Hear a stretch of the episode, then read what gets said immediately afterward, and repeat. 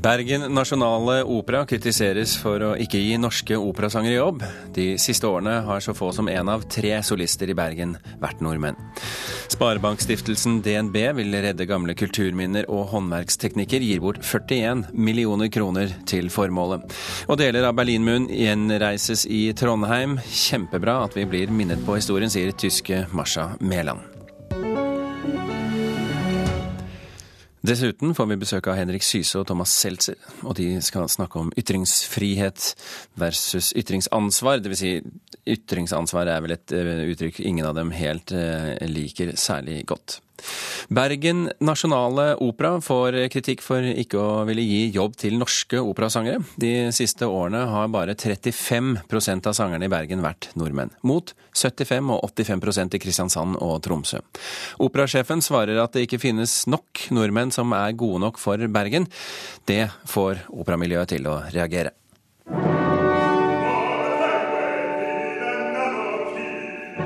Frode Olsen på scenen som Tesius foran operainteresserte bergensere i Grieghallen på lørdag. En midtsommernattsdrøm av Shakespeare, nok en stor produksjon fra Bergen Nasjonale Opera, men også nok en produksjon med svært få norske solister på scenen. Faktisk var Olsen den eneste denne gangen. Det går på vilje og interesse for å finne norske sangere. Det er der det ligger. Det sier Henrik Engelsviken, som er tillitsvalgt for sangerne ved Operaen i Oslo, og som kjenner operamiljøet i Norge godt. Siden 2012 har så få som 35% av solistene vært norske på scenen i Bergen. Altfor få, mener Engelsviken. Altså, Operautdannelsen er den dyreste i landet. Og det er mange fantastisk dyktige sangere som ikke har nok jobber til å, å få hjula til å gå rundt. Men ville ikke nivået også da vært dårligere? Nei, heller bedre.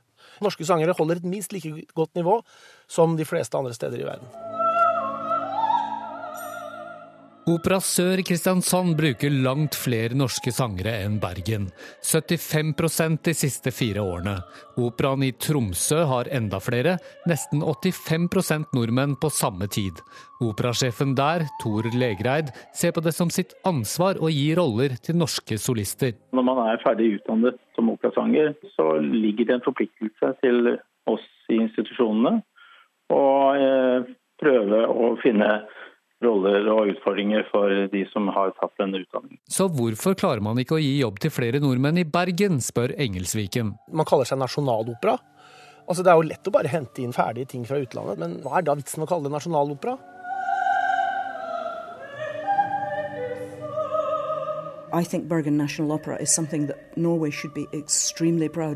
Det er Mary Miller som er operasjef i Bergen. Hun er skotsk, opprinnelig fiolinist, og har hatt jobben siden 2010. Hun sier hun alltid forsøker å bruke norske operasangere, men at det bare fins 15-20 som er gode nok til å synge i Bergen. Og når hun tilbyr dem jobb, er de allerede opptatt, sier hun.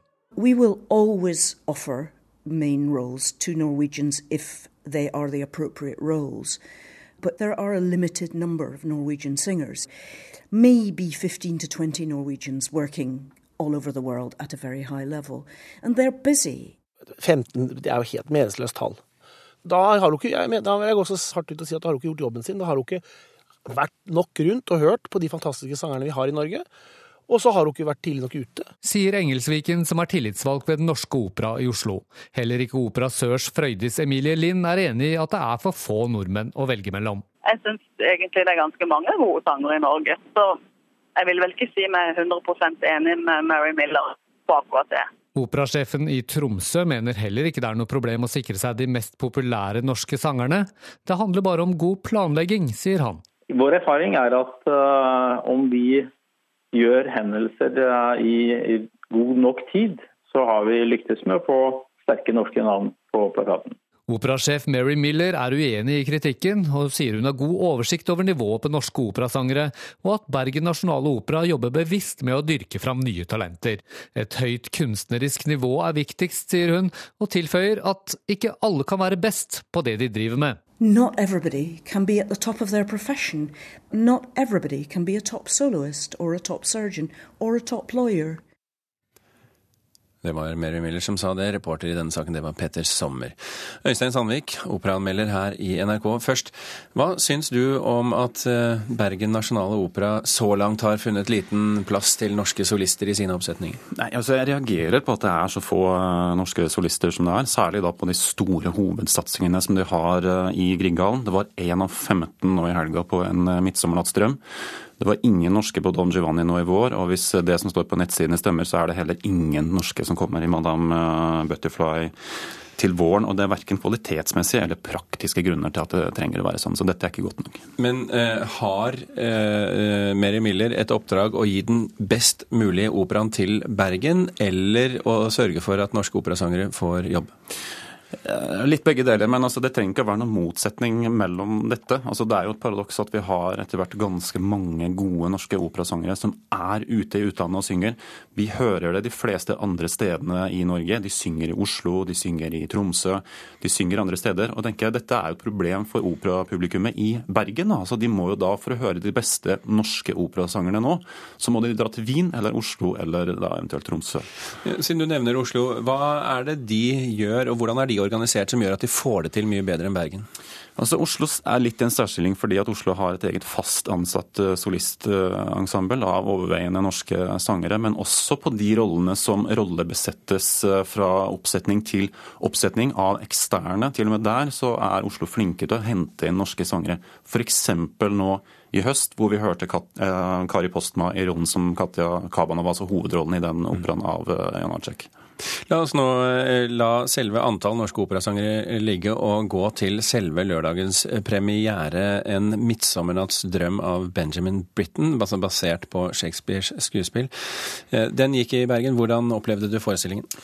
Det var en meget god uh, forestilling, og dette var ikke uventa når det gjelder det sceniske. For dette er en oppsetning av uh, Robert Carson som har blitt spilt mange ganger etter uh, premieren på en festival i Aix-en-Provence i Frankrike allerede i 1991. Altså Den har blitt spilt ved La Scala, den har vært ved British National Opera i England, og hadde en revival nå i Frankrike nå i sommer. Så dette er en en, en, forestilling som mange liker veldig godt, og som vi endelig fikk se nå i, eh, i Norge. Er, Hva er det som gjør den så god? Den er veldig vakker og veldig eventyraktig, og den er også veldig morsom. Den har en veldig enkel eh, scenografi med sterke, tydelige eh, farger. Det går hele tida i alvegrønt. Det er blålilla som, som illuderer denne, dette måneskinnet om natten. Eh, og det er ikke en forestilling som graver etter eh, skjulte sider ved Shakespeare eller Britten, eller prøver å aktualisere. Så det er, det er, på en måte rent eventyr og, og ren komikk. Og så har den musikk.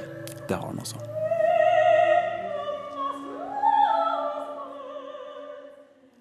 Her hører vi den amerikanske koloratursopranen Laura Claycom, altså de lyse sopranene, i rollen som alvedronningen Titiania.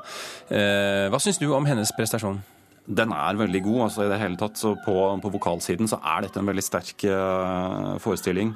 Uh, Team Mead, kontra tenoren gjør en, en, rolle som Oberon, altså hovedrollen her, som er helt i, i, i verdensklasse. Så um, også sånn vokalt sett så er dette veldig bra. Men siden vi har snakket om det vi har snakket om i dag, eh, kunne eh, norske sangere like gjerne erstattet eh, Titania her? Altså Det er veldig mange, eller det er flere norske sopranere gjerne hadde hørt i denne rollen som Titania. Det er f.eks. Silvia Moi, Mari Eriksmoen eller Eir Indrøg. Altså det kan nevne mange navn som hadde konkurrert sterkt her. Og hvis du som lytter syns dette var en litt sånn kort anmeldelse, så kan jeg glede deg med at det blir en fyll fyldigere anmeldelse av En midtsommernatts drøm eh, fra Operaen i Bergen i Kulturhuset i dag klokken 13.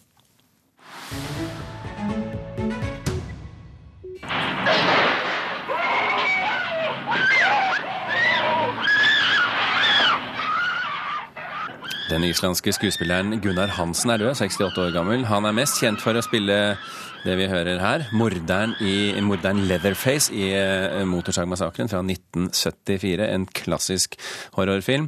Rollen er en av de mest ikoniske, onde figurene i kinohistorien, sier Hansens agent eh, Mike Eisenstadt til nyhetsbyrået Reuters.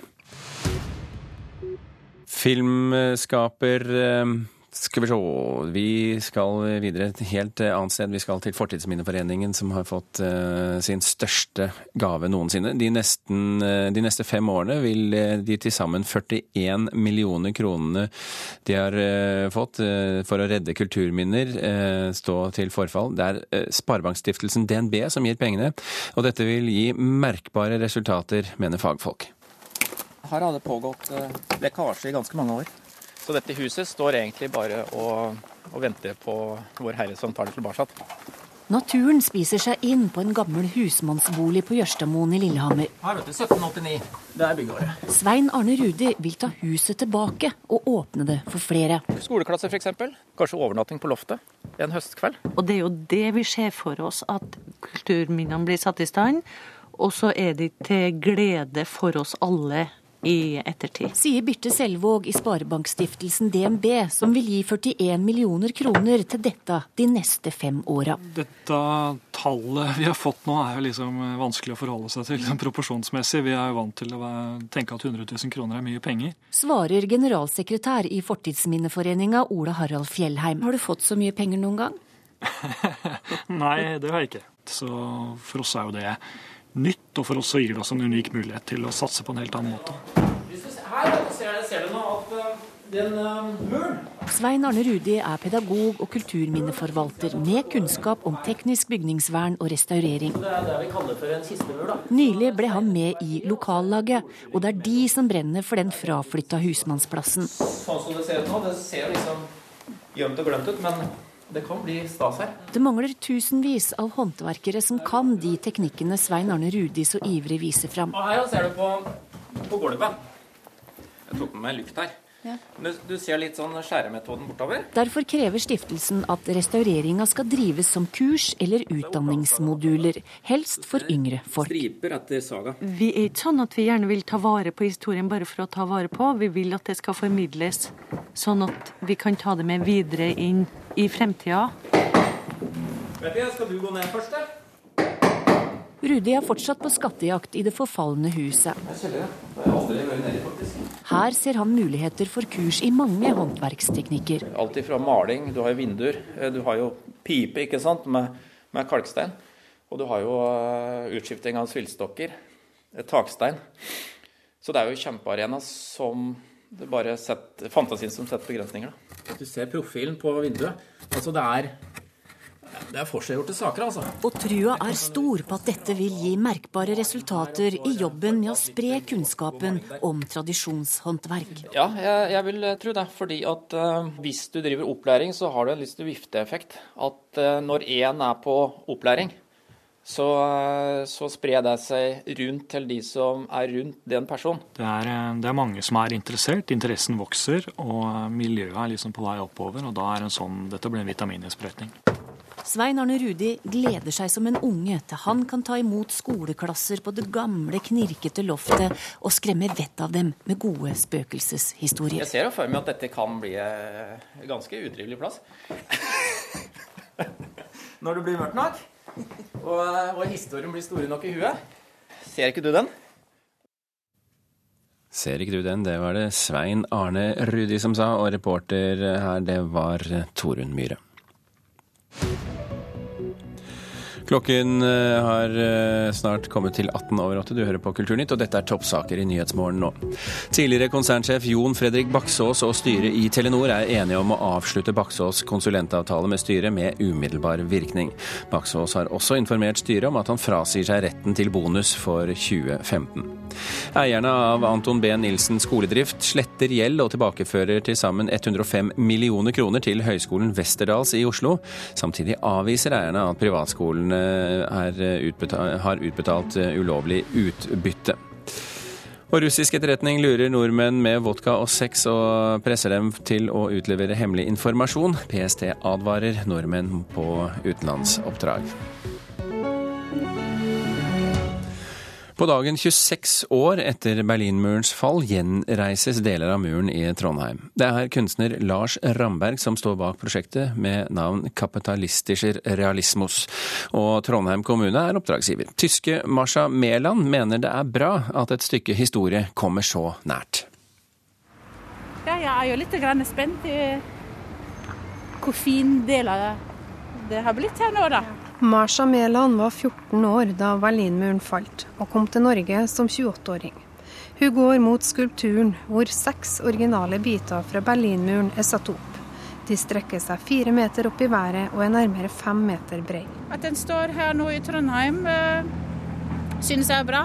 Fordi av og til trenger vi en sånn påminnelse om øh, det fantes andre tider. Og dessverre er det jo fortsatt sånn i noen land i verden at det fortsatt finnes en mur. ikke sant? Så det her skulle egentlig minne oss på at friheten er det viktigste vi kan ha. Just put sand on top of it. But it's kind of nice that you see the wall and not the stone under it. Kunstner Lars Ramberg peker mot den lille steinen som ligger under deler av Berlinmuren.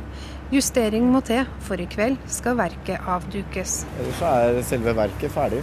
Det er egentlig bare å stramme opp innramming. Skulpturen med navn 'Kapitalister realismus' står foran Trondheim kunstmuseum på Gråmørna. På framsida av muren står det skrevet med neonskrift 'Seil', altså salg. Så det jeg har egentlig da gjort, er å sette sammen eh, to verdener, kan du si. Eh, en tung, historisk, veldig symbolsk ladet eh, mur. Med et veldig lett, forførende og historieløst eh, ord som kun beskriver nå. Altså det er ikke salg neste uke, det er nå. Oppdraget kom fra Trondheim kommune. Det handla om å skape kunst som viste en bydel i endring. For Nedre Elvehavn har gått fra å være et verftområde til butikker og dyre leiligheter. Ramberg syns sjøl at det er et problem at muren selges ut av Berlin. Derfor kjøpte han seks deler for å ha rett til å kritisere. Men i dag så har den jo igjen forandret seg fra å bli et frihetssymbol til et symbol på sin egen forgjengelighet.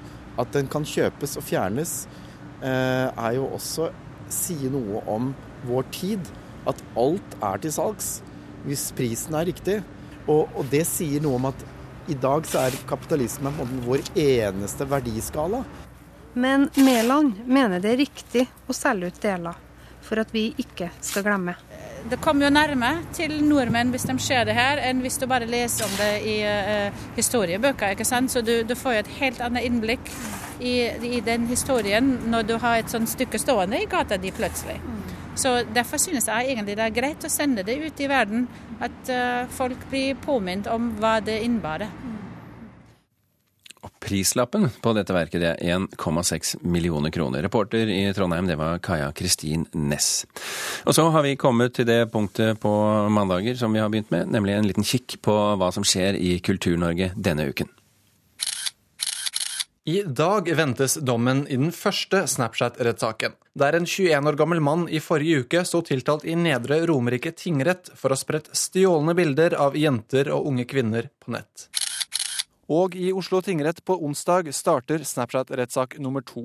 Også her står en mann i 20-årsalderen tiltalt for å ha spredd intime bilder. Denne moderne sagaen, slaget om tungtvannet, begynte i 1939. På torsdag starter filmfestivalen Movies on War i Elverum. Den arrangeres for femte gang og er verdens eneste filmfestival som tar opp de overordnede temaene innen krig og konflikt, fred og forsoning. Ta imot dronning Eiril! Mens vi først er inne på film. På fredag har nemlig Julekongen full rustning premiere på norske kinoer. En oppfølgerfilm til julekalenderen som gikk på NRK1 i 2012, og som skal sendes på nytt. Uken avsluttes på Den Norske Opera og Ballett, hvor den folkekjære artisten Odd Nordstoga fortsetter sin konsertturné. Og sist klokka 22.30 i kveld har det nye programmet til Thomas Seltzer, Natta Norge, premiere på NRK1.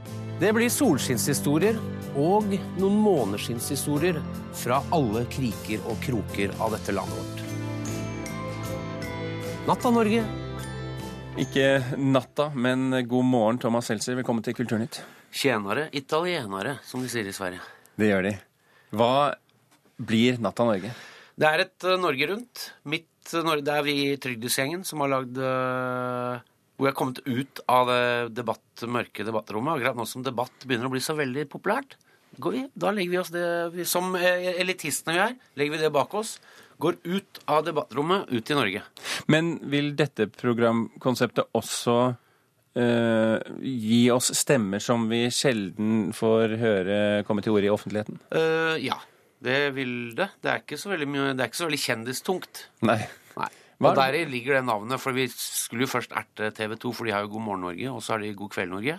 Tenkte vi, der er det et par ledige vinduer. God natt Norge, det syns jeg er gøy. Et sånt magasin-reportasjeprogram som går litt seint på kvelden. Med folk som er opp- våken sent på kvelden. Ja, Men nå ender det opp med å høres ut som sånn Michelle Olbeck eh, Sånn der Spengler eh, Sånn, sånn kulturpessimisme. og Ja. Nå er det slutt på Aftenlandet. vestlige Aftenlandet. Nå er det slutt på vestlige samfunn og sånn. Så, men Det er jo fin touch, det. Men det er egentlig ikke det. Altså, det er ganske lunt og jovialt. Henrik Syse, velkommen til Kulturnytt. Tusen hjertelig takk. Lun og jovialt innblikk eh, bak Kjendis-Norge. Jeg liker både lunt og jovialt, jeg. Det Og det bør være trykk på første stavelse i det siste ordet. Da blir det enda jovialere. Du er her fordi du eh, er ute med en eh, bok om, om ytringsfrihet og ytringsfrihetens grenser. Kan vi ta det først? Hva vil du med en slik bok? Først og fremst vil jeg hylle Thomas Seltzer. Det vil si, han er ikke nevnt i boken. Og jeg har ikke tenkt så mye på ham mens jeg skrev boken. Men det er en hyllest til den frie ytring, det er en hyllest til den annerledes ytring, og ikke minst til begrunnelsen bak den. Fordi det er så lett å tenke at nå blir det mye plagsomme ytringer, og folk sier mye stygt og slemt, og det gjør de, og det trenger vi å diskutere. Men da er det så lett å si at ja, men nå må vi, nå må vi holde igjen litt, nå får det være grenser på ytringsfrihet. Men eh, ytringsfriheten den har faktisk en veldig sterk begrunnelse, er noe av fundamentet for et fritt samfunn. Eh, Så derfor så er det det som er hovedvinklingen. Samtidig, og merk nå at jeg ikke brukte ordet menn, samtidig må vi kunne snakke om etikk. Samtidig så er det bra hvis noen reagerer. Samtidig så er det en utfordring at i vår tid så er de mest krenkende og mobbete uttrykk ca. et tastetrykk unna. Det er bare å spre det rundt. Og det må vi ta på alvor. Og det å klare det der å forsvare friheten og snakke om ansvar og etikk samtidig, det er en krevende balansegang. Og det er det boken min handler om. Det vet jo herr Seltzer litt om også, for jeg mener å huske han har vært tema i Kringkastingsrådet. Til og med PFU. Da var jeg da eh, ikke til stede i møtet, for jeg hadde forfall, så jeg slapp å, å, å, å ta ansvar for det som ble sagt der. Men du vet jo litt om det at uh, noen ganger så sier man det er fint med sånne programmer, men det får være grenser. Finne en god måte å si det på. Ta etikkdebatten på alvor uten å kvele det åpne samfunnet. Det er det jeg skriver om. Det er jo midt i Ytringsansvar. Ja. Ja, det er et ord som ofte brukes. Jeg er, ikke, jeg er ikke så glad i det ordet, nettopp fordi det kan få litt sånn ytringsfrihet, men-preg over seg. Men samtidig har det jo noe for seg. Det er klart vi tar ansvar når vi sier noe. Når jeg sitter her nå, hvis jeg plutselig begynner å skjelle ut en navngitt person Det er mulig jeg har lov til det, men det er jo ikke helt bra. Og så er det konsekvensen. Eh, Jeg syns den gamle Det er en sånn gammel saying om at eh, er det lov å rope 'det brenner' i et overfylt eh, teater? Det er en ytring. Det er en ytring, og det er jo det klassiske eksempelet for hvor grensen går når den faktisk påfører andre fysisk skade, eller ødelegger noe fysisk i, i samfunnet da, kan faktisk en ytring forbys. Men de grensene skal ligge veldig langt ute, og det mener jeg de bør gjøre. Samtidig skal vi kunne ha debatter om det. Samtidig syns jeg det er bra, jeg, hvis jeg nå får lov til å provosere litt, at vi har Kringkastingsrådet, at det er ikke bare gamle tanter. Jeg syns det er fint at det er noen som faktisk sitter og spør bør faktisk det der eh, publiseres. Også når det er lov til det, også når det er bra at det er lov til det. Men de er inne på Man har jo snakka i mange år om PK-tyranniet.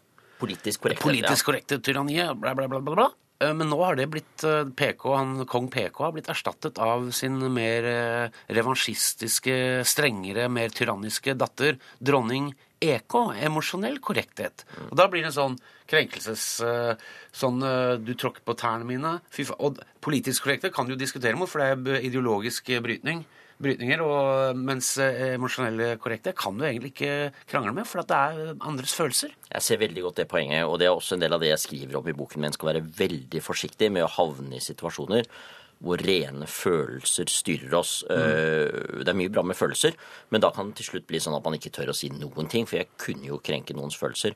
Og det er det siste jeg nå skal si, for nå vet jeg programlederen gjerne vil stille spørsmål igjen.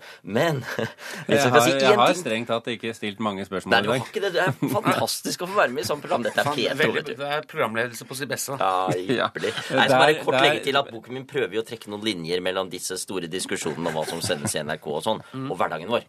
For det handler jo om det også. Det handler jo om hvordan hvordan vi snakker til hverandre. Jeg syns det var så utmerket å gå ut på, på programledelse på sitt beste, men det hadde ikke vært på sitt beste hvis ikke du fikk siste ordet. Henrik Syse, tusen hjertelig takk for at du kom til Kulturnytt. Takk også til Thomas Seltzer, og lykke til både med bok og TV-serie. Kulturnytt er i ferd med å runde av. I dag har vi fortalt at Bergen Nasjonale Opera kritiseres for å ikke gi norske operasangere jobb. De siste årene har så få som én av tre solister i Bergen vært nordmenn. Altfor dårlig, sa vår musikkritiker. Vidar Sem, Birger Kåss Råsund takker for følget.